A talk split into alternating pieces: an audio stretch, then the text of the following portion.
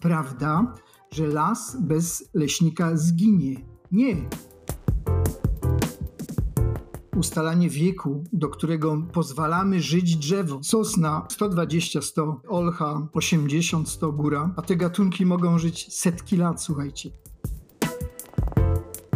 Jak chodzę sobie po przyrodzie takiej dzikiej, to czuję się świetnie. Jestem po prostu wypoczęty, doznaję tam różnych wyższych stanów.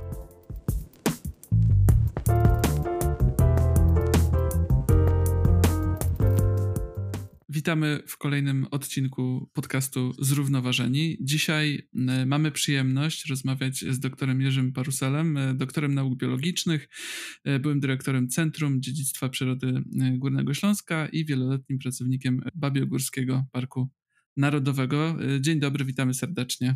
Witam serdecznie wszystkich słuchaczy i zrównoważony. Dzień dobry, dzień dobry. Ja bym może otworzył nasz podcast y, takim mm, pytaniem, bo ostatnio słyszałem taką ciekawą anegdotę, że ponoć jeden z dyrektorów e, w lasach państwowych powiedział, że uprawa lasu to jest tak jak uprawa buraka, że jedyna różnica jest taka, że burak rośnie rok, a las 100 lat. Jak y, Pana zdaniem leśnicy postrzegają las? To znaczy, ta wypowiedź, którą tutaj przytoczono, to ona być może jest prawdziwa, bo jeżeli chodzi o uprawę lasu, to być może tak to jest. Różnica jedyna między burakiem a sosną jest taka, że faktycznie buraka zjadamy w tym samym roku, w którym go posadzimy, a sosnę dopiero za 100 lat. Bo oczywiście takiej młodej, posadzonej dwuletniej sadzonki przecież nikt nie chce. Ale to oczywiście jest y, odpowiedź taka prowokacyjna, bo myślę, że mówiąc o zrównoważeniu, mówimy o lesie jako ekosystemie. No i tutaj wydaje mi się, że wypowiedź pana dyrektora jest zaprzeczeniem życia lasu. A jak w takim razie wygląda życie lasu, takiego lasu, którym też często się słyszy w mediach, że to jest las pierwotny, naturalny. Taki powiedzmy, jeżeli byśmy jako ludzie nie ingerowali w ten las, jakby, jakby to życie wyglądało? Znaczy, z, z, powiem tak i chciałbym, żeby, żebyśmy wszyscy to rozumieli, albo żeby to do nas dotarło. Człowiek, mimo że stoimy wobec groźby katastrofy Ziemi, nie spowodował jeszcze na dziś takich zmian w ekosystemie Ziemi, żeby prawa, procesy, biologia gatunków tworzących las uległa zmianie.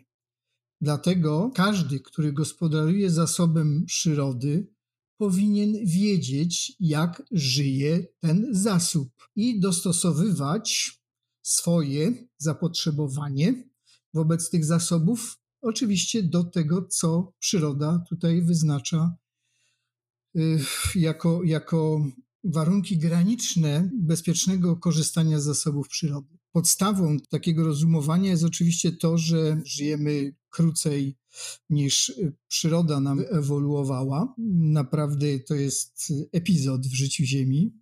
Natomiast, natomiast już nie mówiąc o tym, że leśnictwo jako zorganizowana gałąź, nie powiedzmy, czy dziedzina gospodarcza, w której mamy jakieś instrukcje, jakiś sposób, nie powiedzmy, na eksploatację lasu, to jest, to jest w warunkach, nie powiedzmy, Europy, a zwłaszcza naszego kraju, tutaj moje doświadczenia ze Śląska, to jest XVII wiek, to jest, to jest niecałe 300 lat wstecz. Jak się ma zorganizowane gospodarowanie czy eksploatowanie przyrody wobec życia ekosystemu leśnego, który jako formacja roślinna powstał po ustąpieniu lodowca skandynawskiego, a miało to miejsce przed około 10-12 tysiącami lat. I ta ewolucja cały czas trwa oczywiście. Tutaj człowiek jak, jak najbardziej wpływa, ingeruje w procesy teraz one są już w skali globalnej. Przedtem siekierą nie wyrąbał kawałek lasu gdzieś tam w okolicy u siebie.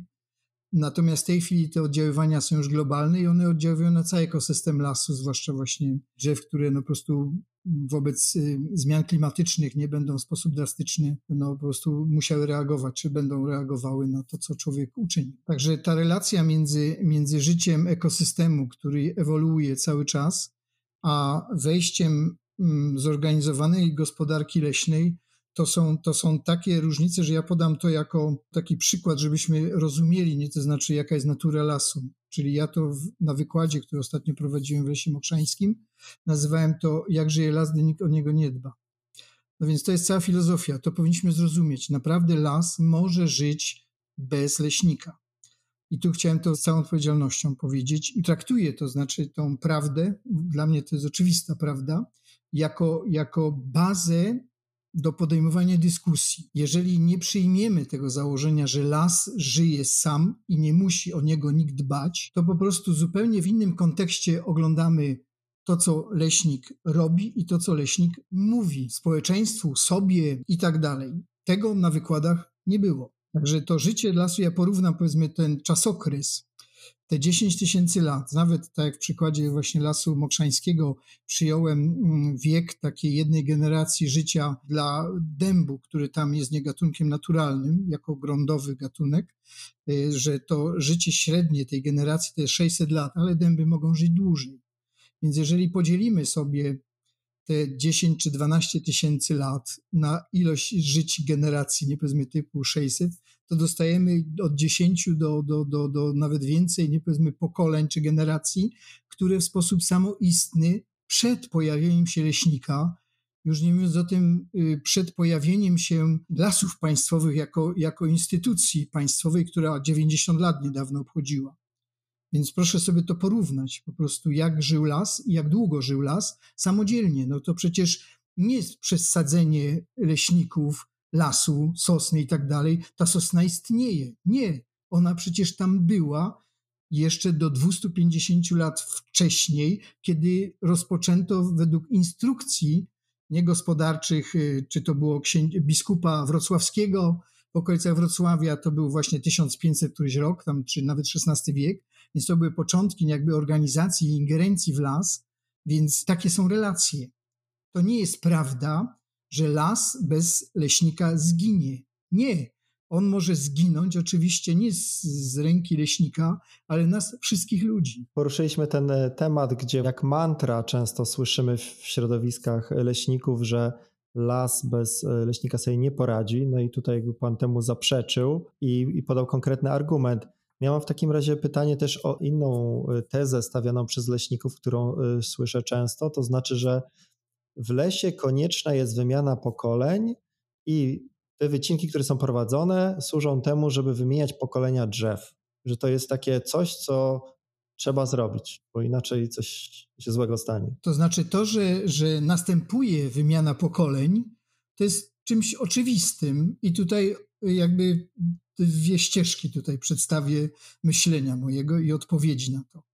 Jedna to faktycznie następuje zmiana pokoleń i w lesie to się odbywa cyklicznie, tak jak mówię, od ustąpienia lodowca. I trwa to te 10 tysięcy lat. Wszystkie te poszczególne drzewostany, znaczy jakby typy drzewostanów się zmieniały w zależności od warunków klimatycznych, i ostatnio, nie powiedzmy, to jest y, okres subborealny od 5 do, do 2000, gdzie ukształtowała się właściwie, można powiedzieć, taka współczesna ta roślinność leśna, którą widzimy dzisiaj. Przedtem mieliśmy układy takie trochę tundrowo-sosnowe, było zimno, e, więc mieliśmy sosny i tak dalej. Potem się by robiło ciepło, pojawiły się gatunki ciepolubne, wiązy, graby, dęby, buki, jodły, więc to wszystko się kształtowało bez człowieka i nadal może się, i zresztą nadal się dzieje, bo przecież tutaj dowodem na to, że przyroda naprawdę sobie daje radę, są wywalczone z wielkim trudem parki narodowe, rezerwaty przyrody. Przecież Yellowstone, 1872 rok, to jest ponad 100 albo i więcej lat, słuchajcie, dzikiej przyrody. Przecież tam nie ma ingerencji. I co? I pytam się, czy wszystkie cugi, czy jakieś inne różne gatunki tam występujące, czy też najstarszy rezerwat przyrody Lasek Fontainebleau, utworzony właśnie w Paryżu, pierwszy rezerwat na świecie. Przecież to są dowody na to, że naprawdę przyroda sobie daje radę sama i do tego nie jest potrzebny leśnik. Leśnik, tak jak mówię, jest potrzebny tylko po to i można powiedzieć, że jest narzędziem społeczeństwa, żeby uzyskać z lasu produkty, których oczekuje człowiek. Czyli drewna, no mówiąc krótko. Czyli można rozumieć, że najlepsze, co możemy zrobić e, dla lasu, to jest zostawić go samemu sobie? To znaczy, jako przyrodnik marzyłoby mi się, żeby tak było, ale oczywiście tak nie może być. I kiedy prowadzę wykłady z młodymi, z dzieciakami, no więc robimy takie dyskusje, które polegają na ustaleniu pewnej granicy ciąć, nie ciąć, bo zakładam jako człowiek racjonalista, że człowiek chce mieć produkty z lasu, więc założenie tego, żeby pozostawić las samym sobie, oznacza, że pozbywamy się drewna i jego produktów. Co oczywiście z punktu widzenia społecznego czy logicznego byłoby jakby moim y, głosem, nie, który byłby no, nierozsądny. Dlatego zdaję sobie sprawę, że tutaj mówimy tylko i wyłącznie i debatujemy, czy powinniśmy debatować na tych proporcjach pomiędzy ochroną a, a wycinaniem.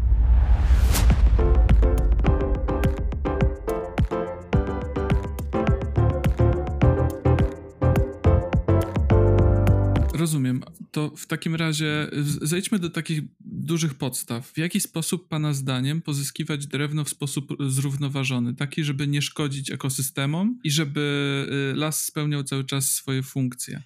To znaczy, dokonałbym y, jakby podziału oczywiście na te, na te jakby y, funkcje lasu. Nie? Byłyby to funkcje ochronne i funkcje powiedzmy zrównoważonej gospodarki. Bezwzględnie uważam, że zresztą do tego zmierza też Europejski Zielony Ład, wszystkie inne, y, nie powiedzmy, strategie bioróżnorodności, że pewna część ekosystemów musi być wolna od, od, od ingerencji człowieka, czyli powinna być dzika.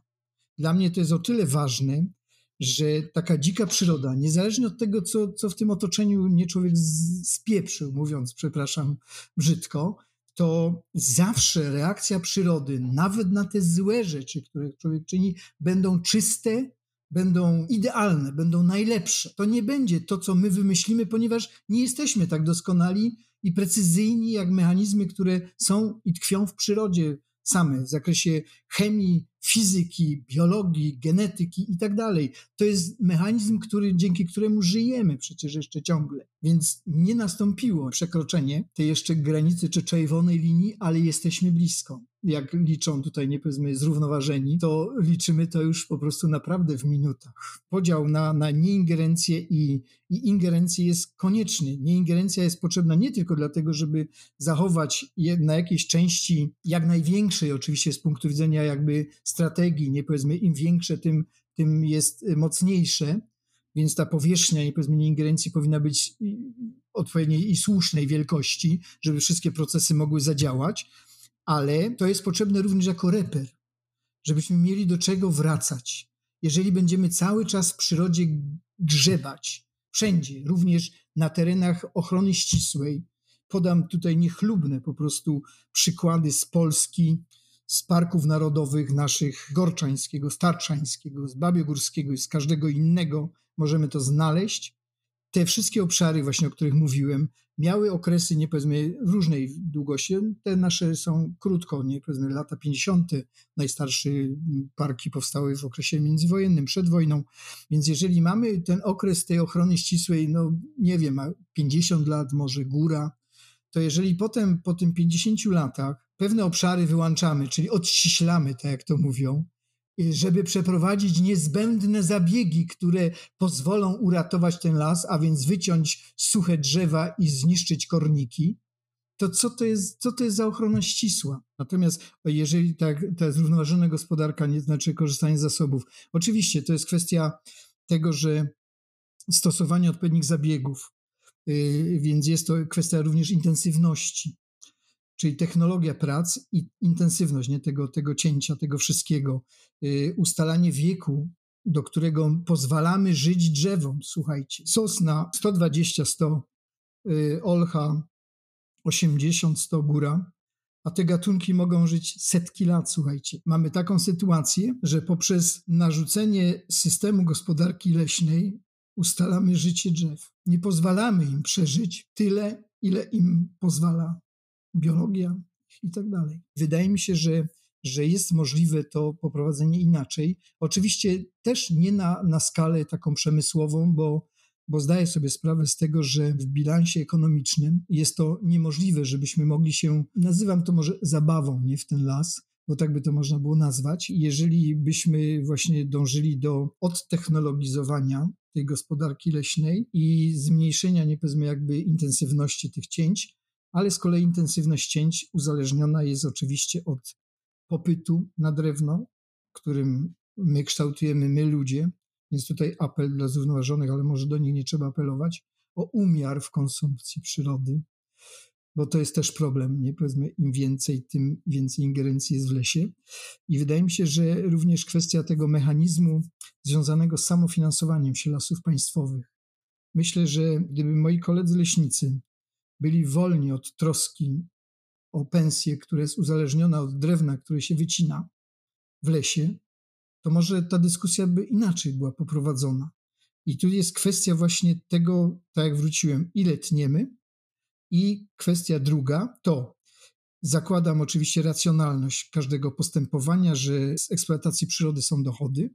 I teraz jest kwestia tego, jeżeli społeczeństwo nie chce eksploatacji, a chce, a, a leśnicy są nadal potrzebni, moim zdaniem, nawet jeżeli tam nie będziemy ciąć. Więc tutaj musi być wytworzony jakiś mechanizm finansowania, czy rekompensat, który pozwoli po prostu tej grupie zawodowej, bo jest ich około 26 tysięcy, jakoś swobodniej myśleć o lesie, a nie o swoim miejscu pracy, nie? Jako, jako, jako miejsca, w którym dostaje wypłatę. Czy dobrze rozumiem, że wynagrodzenie leśników jest związane z tym, jak dużo drewna pozyskają?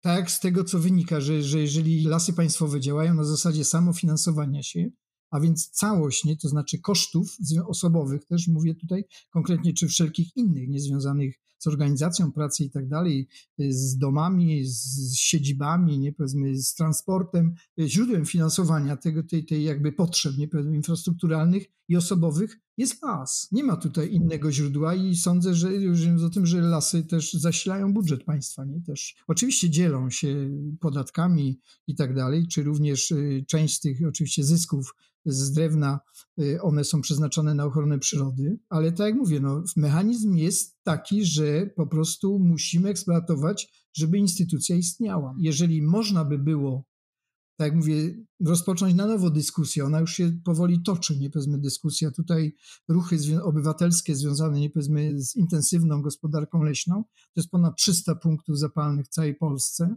więc mam nadzieję, że one ukształtują, czy ich efektem będzie jakby zmiana modelu w ogóle, zarówno gospodarki leśnej jako takiej i finansowania, bo wydaje mi się, że ponieważ są to lasy skarbu państwa, skarb państwa, czy państwo to my, bo nie wiem, czyje to jest, wydaje mi się, że to jest jednak nasze, więc wydaje mi się, że udział społeczeństwa powinien być większy. On w tej chwili z punktu widzenia prawa w różnych y, jakby miejscach, nie obszarach jest dopuszczony, nie? z tym, że nigdy z tego nie korzystaliśmy. To, że są te plany, to, że się odezwała w tej chwili taka tak liczna grupa, nie powiedzmy y, kilkuset punktów w Polsce zapalnych takich, jak Lasy Giżycko, jak Las Mokrzański, jak, jak y, Mała Puszcza Kleszczowska i tak dalej pod Krakowem. Więc to są te miejsca, w których społeczeństwo się obudziło i wydaje mi się, że dopiero w tej chwili w sposób świadomy zrozumieliśmy, że musimy mieć wpływ. Musimy patrzeć na ręce leśnikom nie w sensie takim karnym czy policyjnym, nie? ale po prostu powinniśmy w dialogu tworzyć ten las dla nas.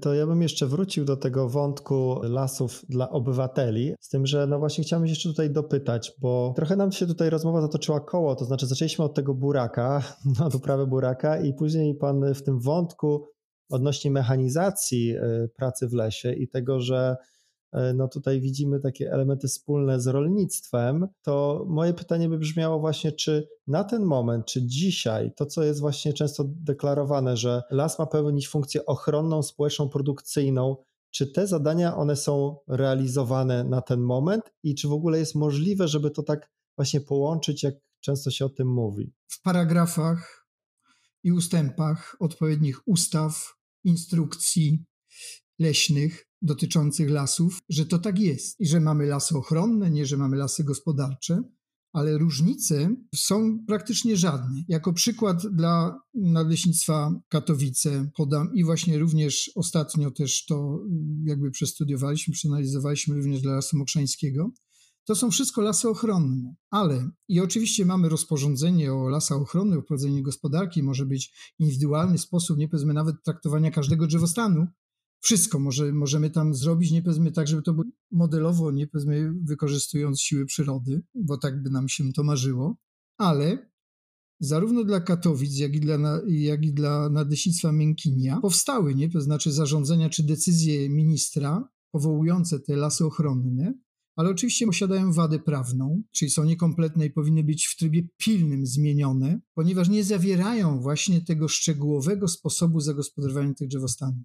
Wyznaczono obszary, natomiast reszta to jest rozmyła się i rozmywa się w tym ogólnym prowadzeniu lasu, nie powiedzmy jako niby gospodarczego, niby ochronnego, więc to, jeżeli to nie zostanie doprecyzowane, to dla mnie powiedzmy terminy takie jak zrównoważona gospodarka leśna, trwały i zrównoważone, nie powiedzmy leśnictwo i tak dalej, to są słowa wytrychy, puste słowa w sumie, za którymi się nic nie, nie kryje. Zresztą reakcja społeczeństwa to jednoznacznie pokazuje, że przecież każde to nadleśnictwo, w którym jest konflikt, ma wszystko lasy ochronne, ma wszystko, nie powiedzmy, wszystko jest ok, natomiast przychodzi co do czego, to okazuje się, że że nie ma różnic między lasem ochronnym a lasem gospodarczym. Jest system certyfikacji lasów, który byłem jednym ze współzałożycieli tej grupy polskiej FSI i do jakiegoś czasu intensywnie pracowałem w tej grupie, bo wydawało mi się, że to coś jest fantastycznego, że, że możemy jakby jeszcze poza systemem prawnym, nie?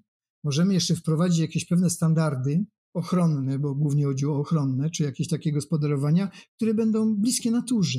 To o to mi chodziło. Ale kiedy w którymś momencie jakiś y, przedstawiciel jakiegoś okręgowego zarządu lasów państwowych wtedy yy, mówił, że to my sobie przyjmiemy fiński system certyfikacji, który jest łagodniejszy.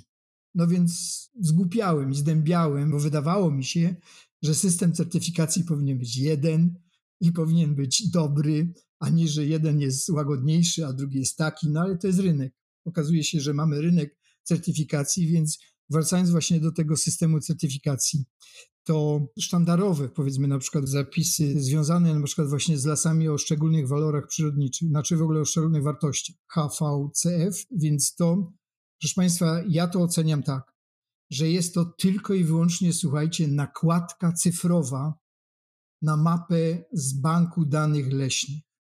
Nie znajdą Państwo informacji o tym, że dany drzewostan nie w opisie taksacyjnym, czyli w tych dokumentach leśnych, że on jest szczególnie cenny. Nie ma takiej informacji i nie ma żadnego przełożenia między wartością tego lasu, a sposobem jego zagospodarowania. To jest to samo, co, co fikcyjne uznawanie za lasy ochronne, które nie mają właśnie zasad nieochronnych. Więc to jest to samo identycznie. Mamy certyfikat, mamy wyznaczone lasy, za, za czym nie kryje się żadna modyfikacja.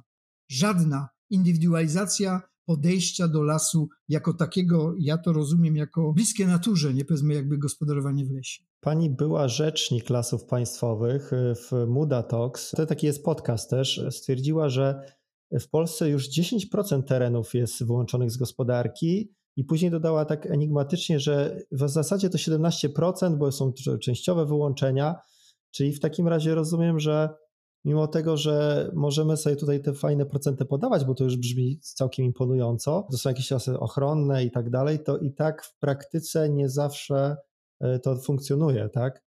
Tak zrozumiałem z Pana wypowiedzi. No, znaczy tak jak mówię, no jeżeli my tutaj jakby epatujemy 30% powierzchni parków krajobrazowych i tak dalej, to po prostu jest to, jest to naprawdę fikcja w sensie rzeczywistym, dlatego że tam nie ma zmiany sposobu gospodarowania.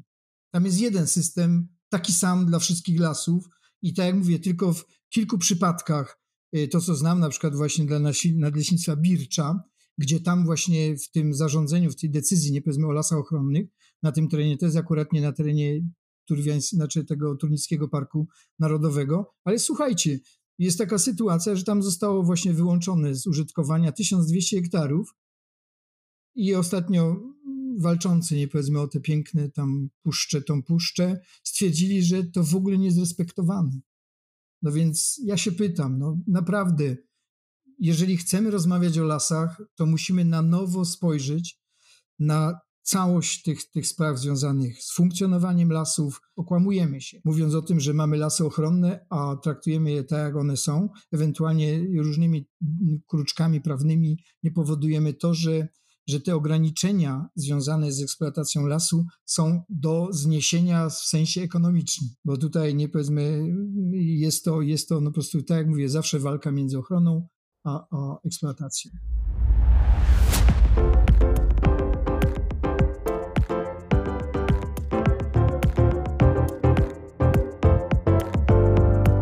Właśnie jest takie coś, czego ja nie mogę cały czas zrozumieć, że mówi się o tym, że w wielu miejscach y, w Polsce ta eksploatacja lasu, y, gospodarzenie tam jest nieopłacalne, czyli na jakichś terenach górskich, gdzieś Puszcza Karpacka i tak dalej, ale dalej to się robi i właśnie skoro jest to nieekonomiczne, tak słyszałem, to czemu się dalej pracuje tam na tych terenach? Bo nadal obowiązują instrukcje, że las ma być nie, właśnie odnowiony po pięciu latach i tak dalej, i tak dalej, że kornik, nie, który się pojawił, musi być zwalczony, drzewo, które jest suche, musi być usunięte. To jest taka można powiedzieć, taka, nazwałbym to ortodoksją leśną. Natomiast oczywiście, że tu już nie ma uzasadnienia ekonomicznego, nie? Bo każde takie, takie wejście, na przykład właśnie na stoki górskie Beskidu, coś takiego, to jest strata, ewidentna strata na dany moment. Ale jeżeli oni posadzą tam te świerki, to za 100 lat będzie tam zysk. I to jest właśnie cała, cała filozofia właśnie tego, że jednak kolejne pokolenia leśników stwarzają profity następnym pokoleniom, i oczywiście to trwa 100 lat. Całe leśnictwo to jest taki dział gospodarki, którym eksploatowane są zasoby, które respektują oczywiście prawa, nie powiedzmy przyrodnicze, bo sam byłem uczony i, i tutaj nie mogę odmówić braku wiedzy, nie powiedzmy na temat wymagań ekologicznych poszczególnych drzew i tak dalej. Cała nauka, jaką jest na przykład siedliskoznawstwo leśne, nie? Czy, czy cała hodowla lasu przecież jest, jest można powiedzieć jest y, taką wysublimowaną esencją nie, tego, co wiemy o przyrodzie. Natomiast jest to kwestia tylko i wyłącznie rozdzielenia modelu gospodarczego, nie powiedzmy od modelu przyrodniczego. To, to, to jest właśnie to, że, że pewne obszary są wolne od ingerencji, pewne obszary są poddawane eksploatacji, ale ta eksploatacja powinna być też rozsądna, powinna być taka, która jest jeszcze bardziej, nie powiedzmy, przyjazna przyrodzie, a tego też nie obserwuję, bo dla mnie najbardziej drastyczny, zgadzam się, nie to znaczy z wycinaniem drzew jako leśnik, bo wydaje mi się, że po to nie powiedzmy jest leśnictwo, ukształtowało się w ewolucji człowieka, nie powiedzmy, żeby to drewno z tego lasu wyciągnąć i to drewno nadal jest potrzebne i je trzeba po prostu wyciąć. Natomiast kwestia odnowienia, czyli gleby, to jest to po prostu tego nie rozumiem i ubolewam bardzo, nad każdym zrębem, bo wiem, że tam będzie przygotowanie mechaniczne gleby. Jeżeli ja widzę, jadąc nie z pracy do domu przez Las Kosztowski w Mysłowicach, słuchajcie, kiedy, kiedy zafundowują nieleśnicy kolejne partie zrębów zupełnych o powierzchni 4 hektarów z pełną orką gleby do głębokości 80 centymetrów, no to naprawdę nie mam zrozumienia. Nie mam i krzyczę tutaj po prostu dość orki gleby w lesie, ponieważ las jest lasem, las nie jest polem. I tutaj protestuję przeciwko temu ogromnie i ubolewam, że, że po prostu zrobiliśmy właśnie orkę pełną w glebie. Wydaje mi się, że to łatwo jest, nie powiedzmy sobie, uzmysłowić, co się stanie w ten sposób, ponieważ nawet dla każdego nadleśnictwa, czy w skali Polski, słuchajcie, kiedy, kiedy w wyniku orki, znaczy orki pełnej, i zrębów zupełnych, zwłaszcza właśnie w borach, w borach mieszanych, czyli tych najuboższych siedliskach, które nie są niestety chronione, słuchajcie, dyrektywą siedliskową, z większość z nich jest po prostu poza ochroną wszelką, więc możemy robić z tymi drzewostanami, co chcemy i siedliskami, które mamy, to przecież łatwo sobie policzyć, jeżeli wiemy, ile corocznie jest wycinanych rębów zupełnych, to jesteśmy w stanie z, po prostu policzyć, słuchajcie, co 10 lat i za ile lat znikną takie pospolite gatunki jak borówka, jak wszelkie inne gatunki, które w tych borach występują i one nie wejdą, nie wchodzą na zręby. Nie wchodzą na zręby. To są gatunki wrażliwe, które po prostu nie wrócą już na to, na, do tego miejsca i zadaję pytanie samorządom, które żyją z lasu, które żyją z grzybobrania, które żyją właśnie z borówek, e, z jagód, z wszystkiego i tak dalej. Popatrzcie, to jesteśmy w stanie policzyć, że za kolejne 3-4, nie powiedzmy, cykle urządzeniowe w danym nadleśnictwie znikną wszystkie tego typu siedliska i będziemy mieli trzcinnika piaskowego, czy też jakiegoś innego trzcinnika, gatunki inwazyjne na tej powierzchni. Mówimy teraz o zabieraniu lasu, natomiast y, widzimy wiele inicjatyw, które cechują się tym, że chcą ten las odbudować od zera zasadzić. Ostatnio rozmawialiśmy z Michałem Pacą, który się trudni akurat takim sadzeniem lasu. Pytanie, Czy w ogóle da się to w jakikolwiek sposób porównać do lasu, który zostawimy sobie? Takie nasadzenia, ile czasu wymaga, żeby taki nasadzony las w ogóle był wartościowy ekologicznie? Czy możemy w jakiś sposób sobie to scharakteryzować? Czy mógłby Pan pomóc? Każda inicjatywa, nie, to znaczy sadzenia drzew jest jak najbardziej cenna. Ja jako miłośnik drzew to popieram to, y, ale ten proces nie jakby takiego um, uleśniania, czyli dziczenia, nie powiedzmy takiej powierzchni z nasadzeniami sztucznymi, bo tak je należy nazwać, ten proces taki lasotwórczy, nie, czyli kształtowania się lasu, to jest kilkaset lat.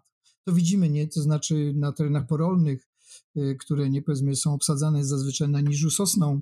Y, w Bieszczadach na przykład mieliśmy takie powojenne sytuacje, nie powiedzmy, gdzie wkroczyła samoistnie olcha szara, i to było najlepsze, co się zdarzyło tej, tej przestrzeni tam, nie, która kiedyś była też lasem, bo to jest świetny przedplon, który nie degraduje, w samoistny sposób, nie powiedzmy, zalesił się, czyli się odnowił naturalnie, wkroczył, nie powiedzmy, na te tereny, które zostały zabrane lasowi dawno temu, 300-400 lat temu.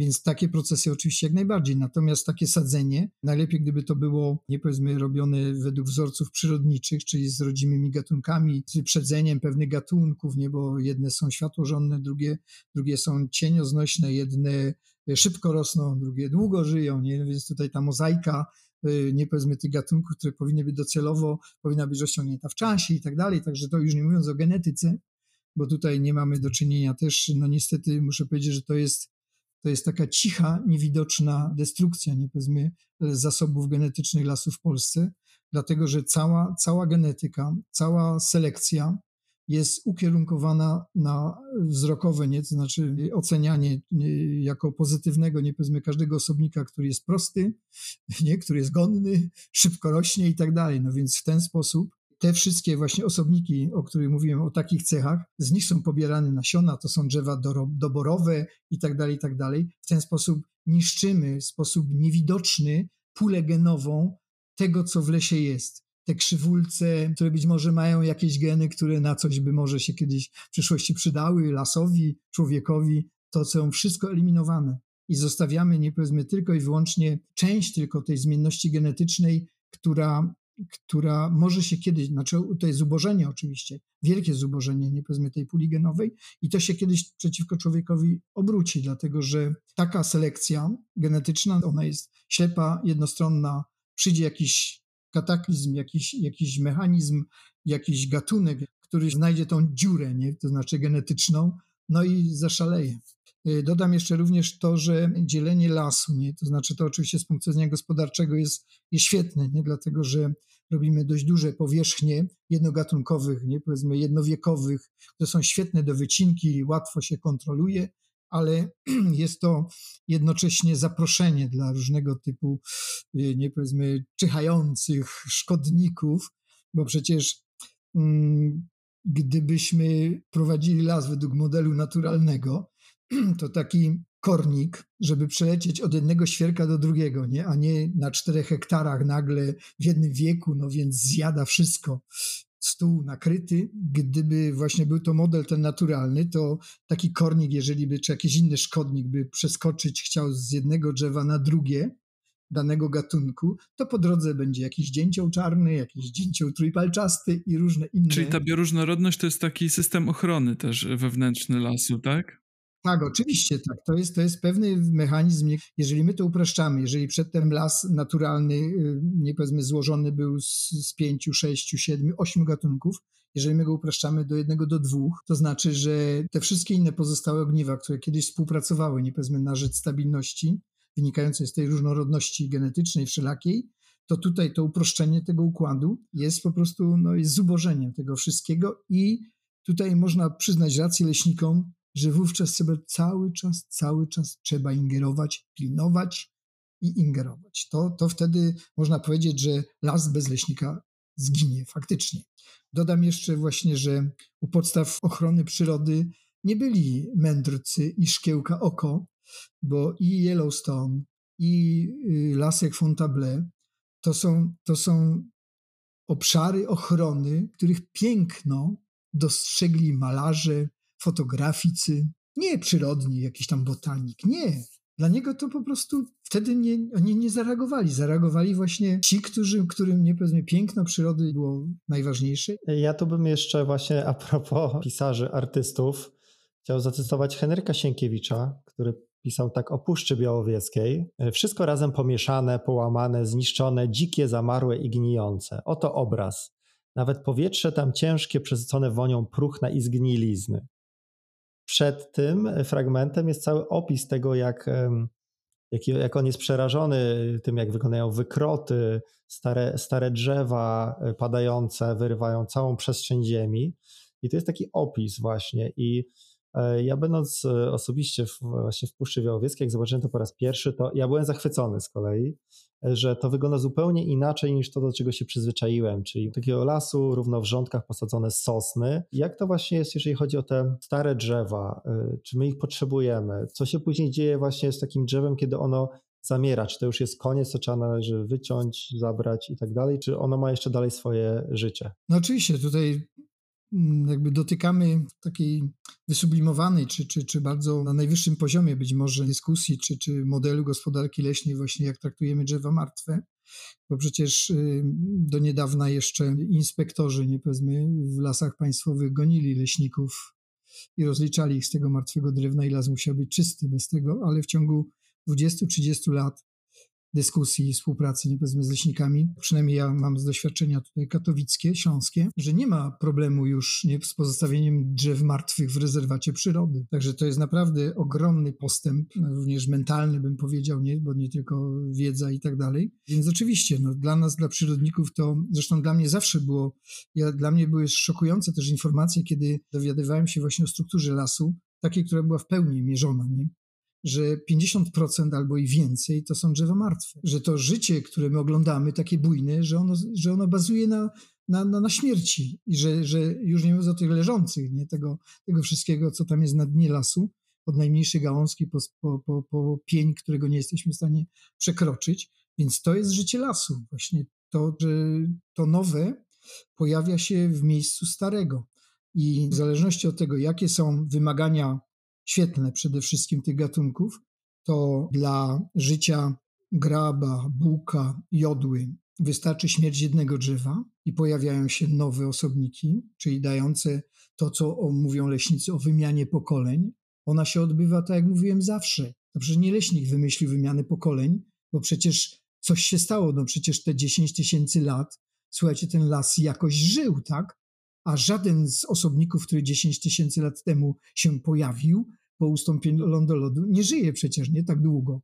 Więc ileś tych pokoleń, generacji, ja tu przyjąłem 600, ale przeważnie jest to 250, więc to jest ponad 20 pokoleń drzew, które w sposób naturalny tym cyklem regeneracyjnym przeżyło i, i wkroczył leśnik, który mówi, że zginie las. Nie? Także to tak nie jest. I wracając właśnie do tego modelu regeneracyjnego, to mamy właśnie takie gatunki, którym wystarczy śmierć jednego drzewa, i wtedy się pojawia nowe pokolenie, ale są takie, które są bardziej światłożądne, jak czy w ogóle światłożądne, jak świerk, jak sosna. Trudno im się odnawia. Nie, nie powiem, że nie odnawiają się pod sobą, bo to jest nieprawda. Ale z punktu widzenia gospodarczego oczywiście to jest nieopłacalne, nie? dlatego że, że wtedy taki las, w którym te gatunki światłożonne mogłyby się również odnawiać, bo przecież musiały się jakoś odnawiać przez te 10 tysięcy lat. Również te światłożonne, no przecież nie było siekiery wtedy. Nie? Więc tylko naturalne właśnie katastrofy, które w tej chwili nie powiedzmy traktujemy jako klęski żywiołowe, one powodowały tą przestrzeń. I dla świerka, dla sosny to, było, to były dziesiątki hektarów, nie było, wystarczyło, że kornik jakiś tam był, czy też były wiatrołomy, czy śniegołomy, które uwalniały tą przestrzeń, wtedy było łatwiej, ale sosna również może się odnawiać pod sobą. Jak chodzę sobie po przyrodzie takiej dzikiej, gdzie ta ingerencja jest żadna albo wcale, to czuję się świetnie. Jestem po prostu wypoczęty, e, doznaję tam różnych wyższych stanów duchowych i innych. Natomiast, natomiast kiedy chodzę po lesie gospodarczym, czyli właściwie po 99,5% lasów w Polsce, to cały czas mój mózg musi pracować. Ja nie odpoczywam. Ja muszę cały czas zadawać sobie pytania, co tutaj było kiedyś i co tutaj leśnik zrobił. I muszę powiedzieć, że właśnie te obszary tej nieingerencji są też takimi miejscami odpoczynku dla człowieka, albo dla przyrodników jest ucztą, nie powiedzmy dla, dla tych, którzy miłują przyrodę w jej stanie dzikim. Słyszeliśmy parę razy, że e, to w tym roku, że właśnie gdzieś w różnych miejscach były takie przypadki, że leśnicy wycięli na przykład drzewo, gdzie była dziupla dzięcioła albo jakiegoś innego gatunku. Tak, to, to tak. To są, to są znane sytuacje i to jest wszystko zgodnie z prawem. Także ja muszę powiedzieć, że, że kiedy słucham y, wypowiedzi leśników, że oni działają zgodnie z prawem, to oczywiście to jest prawda, bo to prawo jest kształtowane przez nich i ono tylko i wyłącznie służy temu, żeby w sposób ekonomiczny można było eksploatować las. Tyle ochrony jest, ile wywalczymy. To nie są procesy, to nie jest planowanie ochrony przyrody. Nie. To jest po prostu akceptowanie ochrony przyrody, którą narzucają inni. A to właśnie w takim razie pytanie, wracamy do tego wątku z obywatelami, to znaczy jak my możemy w takim razie narzucić i pokazać to, że my chcemy, żeby y, przyroda w jakimś stopniu była y, chroniona. Najpierw y, oczywiście należy uczestniczyć aktywnie w procesie nie powiedzmy przygotowania planów urządzania lasu. Przepraszam, to jakby pan mógł trochę powiedzieć, czym jest ten plan urządzenia lasu, bo to nie wszyscy mogą wiedzieć. No, plan urządzenia lasu jest to taki dokument wewnętrzny, który nie ma żadnego statusu prawnego, bo okazuje się, że społeczeństwo go nie może zaskarżyć. Jest to dokument wewnętrzny, można powiedzieć, że to Biblia, nie powiedzmy leśnika na 10 lat, w którym są określone wszystkie zabiegi nie, dla każdego drzewostanu, dla każdego. Każde nadleśnictwo ma w granicach około 14 tysięcy, nawet 20 tysięcy hektarów. Więc to jest dokument, który dotyczy każdego drzewostanu, każdego dosłownie, od młodnika, nie powiedzmy, po starodrzew i tam mamy zapisane wszystkie czynności po kolei, nie powiedzmy dla każdego, dla każdego drzewostanu, co należy w danym dziesięcioleciu zrobić. Dla niektórych jest to, jest to wyrok drzewostanów, jako przykład jest to y, rębnia niezupełna, no to oznacza, że w tym dziesięcioleciu ten drzewostan zostanie całkowicie wycięty i odnowiony w sposób, który nie lubię. Przeważnie w wyniku odnowienia sztucznego. Takie są zapisy i ten plan właśnie jest, jest niby z udziałem społecznym. Te plany dopiero jakby są, można powiedzieć, uspołecznione, ale w cudzysłowiu, bo społeczeństwo nie korzysta z tego uprawnienia.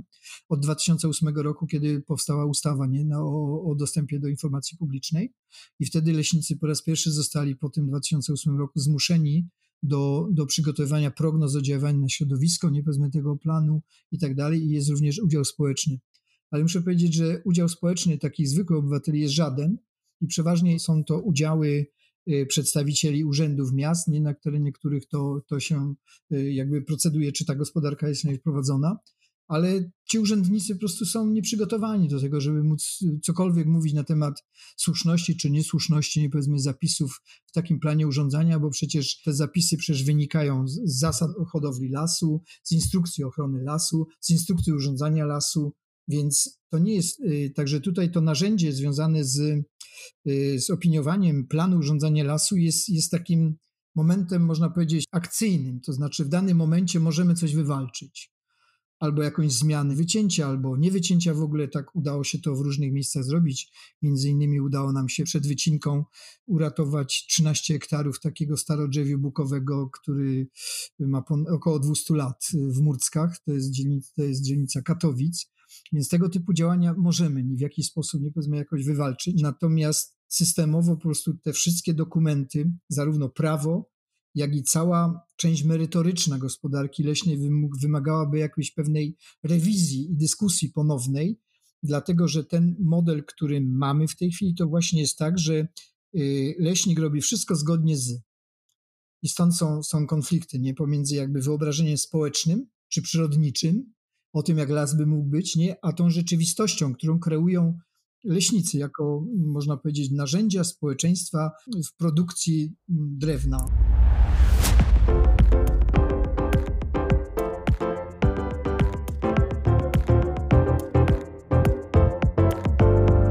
Właśnie dlatego chciałem zapytać, jaki być może jest argument, z którym można by było wychodzić do leśników, do prawodawców, który by ich przekonał, dlaczego im powinno zależeć na zmianie prawa. Co oni będą z tego mieli? Bo rozumiem, że to są ludzie, którzy myślą, jak ja z tego wyciągnę pieniądze, jak ja sprawię, że y, będzie się kręciło. Więc czy ochrona przyrody może służyć zarówno nam, e, wszystkim e, obywatelom, jak i osobom, które dotychczas są zainteresowane zyskiem?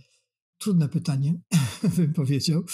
Żeby w ogóle rozpocząć dyskusję na ten temat, nie powiedzmy wszystkiego, to tak jak wcześniej powiedziałem, że musimy ustalić pewną wspólną bazę rozumienia lasu. Bo jeżeli, jeżeli będziemy mieli dwa różne spojrzenia na las, że las żyje dziko i las musi być hodowany przez leśnika, to po prostu nie dojdziemy do niczego. Dyskutowanie czy procedowanie nad tym, jaki ma być las, powinno właśnie wynikać z tego, że musimy zrozumieć wszyscy razem i przyjąć, że las żyje sam sobie.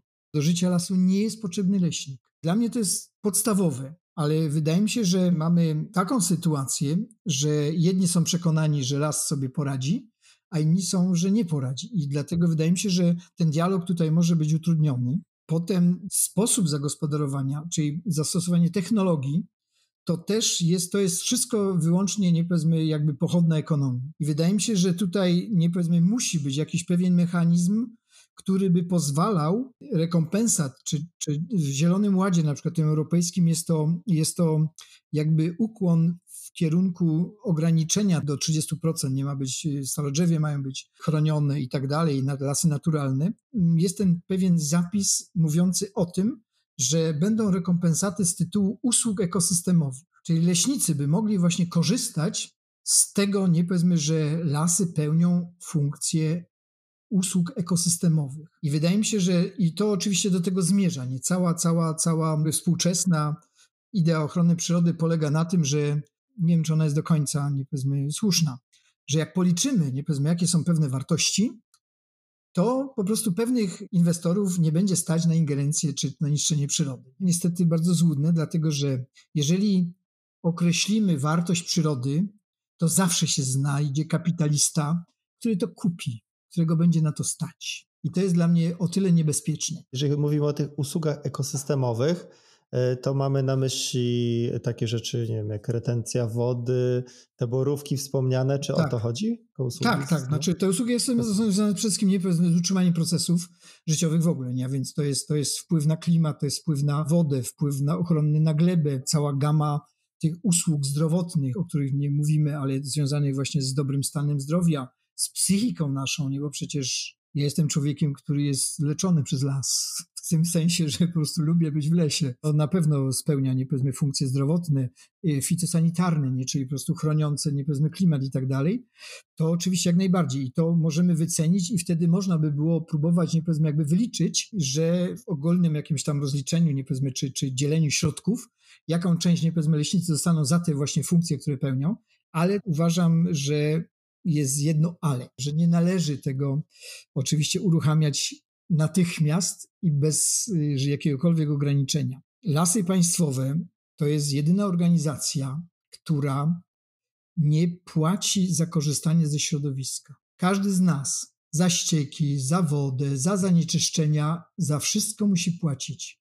Leśnik pobiera surowce, nieco pobiera produkty, czyli zasoby z lasu, nie ponosząc żadnych kosztów, żadnych kosztów, żadnego podatku, niczego. Już nie mówiąc o tym, że, że leśnik również nie płaci za żadne odszkodowanie w ekosystemie, bo dla mnie jest to jednoznaczne, że gospodarka leśna niszczy ekosystem naturalny. I zgodziłbym się za to, że płacimy leśnikom za usługi ekosystemowe pod warunkiem, że te usługi byłyby na najwyższym poziomie. Więc państwo w naszym imieniu stojące na straży prawa, więc powinno mieć takie jednostki, które no po prostu są wzorcowe w sensie ochrony przyrody, tutaj konkretnie można to jako wzorzec podać, a nie, że są to jednostki, które są uprzywilejowane nie powiedzmy w tym, w tym całym procesie inwestowania czy korzystania ze środowiska. Także to osobiście mi się nie podoba i to wymuszałoby też pewne zmiany. Wydaje mi się, że to powinno być też policzone i byłoby na przykład byłoby możliwe pomierzenie stanu ekosystemu. I te wypłaty nie, usług ekosystemowych by były uzależnione od tego, jak specjaliści ocenią pracę leśnika. To wtedy gra. Czy, czyli to podejście, o którym Pan nam opowiedział, to się sprowadza do tego, że bierzemy Excela, z jednej strony wrzucamy zysk z drewna, z drugiej e, usługi ekosystemowe tak. i sobie liczymy, mhm. co nam się bardziej opłaca, czyli takie bardzo tutaj tak, e, tak, no, e, ekonomista księgowy. ekonomiczne, nie? No oczywiście. tak, tak. No. Jako finał, nie? Ale po drodze oczywiście powinny być jakieś oceny merytoryczne. Tylko właśnie, no pytanie jest, jak w takim razie wycenić to, o czym Pan mówił, że Pan lubi chodzić do lasu, no bo to jest coś, co regeneruje człowieka, może dać spokój, relaks, y, taką powiedzmy stan medytacyjny. To, to jak to w ogóle wtedy wycenić? Więc, nie tutaj... wiem, ta ścieżka, nie, to znaczy jakby wyceniania wartości przyrody, no ona jednak w sumie jest zgubna dla przyrody, moim zdaniem i to od dłuższego czasu jest, nie powiedzmy, lansowane te usługi ekosystemowe jako kierunek badawczy i tak dalej, ale moim zdaniem to nie ochroni przed zniszczeniem przyrody. Nie ochroni do końca, dlatego że, tak mówię, jest kapitał, który ktoś posiada i on zamieni zielone w brązowe, nie? czyli po prostu przekształci bo mnie stać, bo można wycenić drewno, można coś tam jeszcze, ale, ale wszelkie inne, nie powiedzmy usługi, chociażby właśnie te zdrowotne, to naprawdę no, życie człowieka jest bezcenne, no więc jaka jest granica i jaka wartość byłaby, nie wiem, milion euro czy złotówek, nie powiedzmy, byłoby nie tą, tą zaporą, tak?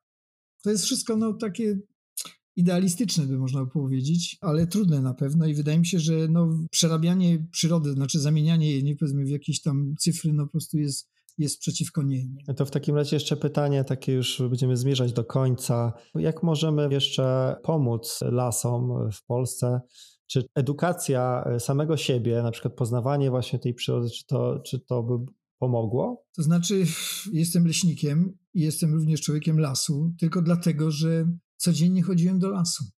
Niestety tylko przez 18 lat, aż do matury, kiedy, kiedy po prostu zdałem egzamin, nie na Wydział Leśny w Krakowie i przestałem chodzić codziennie do lasu, ale po prostu no, trzeba chodzić codziennie do lasu, uczyć się go, jeżeli przerwiemy kontakt albo nie będziemy w tym lesie codziennie, to naprawdę nie poczujemy lasu jako takiego. Nie zauważymy dla niego zagrożeń, nie poznamy jego gospodarza nie? i tak dalej. Także, także to przebywanie jest moim zdaniem jest warunkiem podstawowym, czyli utrzymanie kontaktu z, z lasem jako takim jest, jest, jest warunkiem takiej więzi organicznej człowieka i, i, i, lasu. Oczywiście no, wiedza jako taka to, to jest, jest jak najbardziej potrzebna, ale nie jesteśmy w stanie prawdopodobnie się zagłębić ani zarówno w prawa natury, ani w zawiłości gospodarki leśnej, bo najważniejsze jest, znaczy w całym tej, w tym działaniu jest wrażliwość. Po prostu jeżeli, jeżeli ja nie czuję lasu, to, to po prostu nic dla niego dobrego nie zrobię. Mi jest potrzebna wiedza ekspercka, ja nawet nie muszę wiedzieć, co to jest za gatunek, naprawdę. Jeżeli ja się dobrze czuję, nie powiedzmy, pod liściami tego drzewa, obojętnie jaki on jest nazwy gatunkowej, która się zmienia zresztą nie w toku badań taksonomów. No więc po prostu to nie ma sensu. Najważniejsze jest to, że ten człowiek dostrzega ten las, że on go kocha i że on będzie tym pierwszym, który zareaguje, kiedy przyjdzie ktoś, kto będzie chciał go zniszczyć. I to jest najważniejsze w tym wszystkim i tego powinniśmy uczyć. No ja myślę, że to jest e, piękne podsumowanie, że jeżeli chcemy się uczyć o lesie, chcemy go lepiej chronić, e, zacznijmy po prostu w nim e, przebywać, żebyśmy tę wrażliwość w nas hodowali, budowali. Ja muszę przyznać, że ludzie, o ile czasami nie, nie zdają sobie z tego sprawy, to zwierzęta zawsze, moja suczka Lili zawsze ciągnie najbardziej na spacery do lasu, więc wie o co chodzi. I ja jej na pewno posłucham przy najbliższej okazji, wybierzemy się na spacer, żeby się uwrażliwić, tak jak zresztą radził nam doktor Jerzy Parusel, nasz gość podczas dzisiejszego spotkania w ramach podcastu Zrównoważeni. Bardzo dziękujemy za udział i to spotkanie. Dziękuję bardzo. Dziękujemy.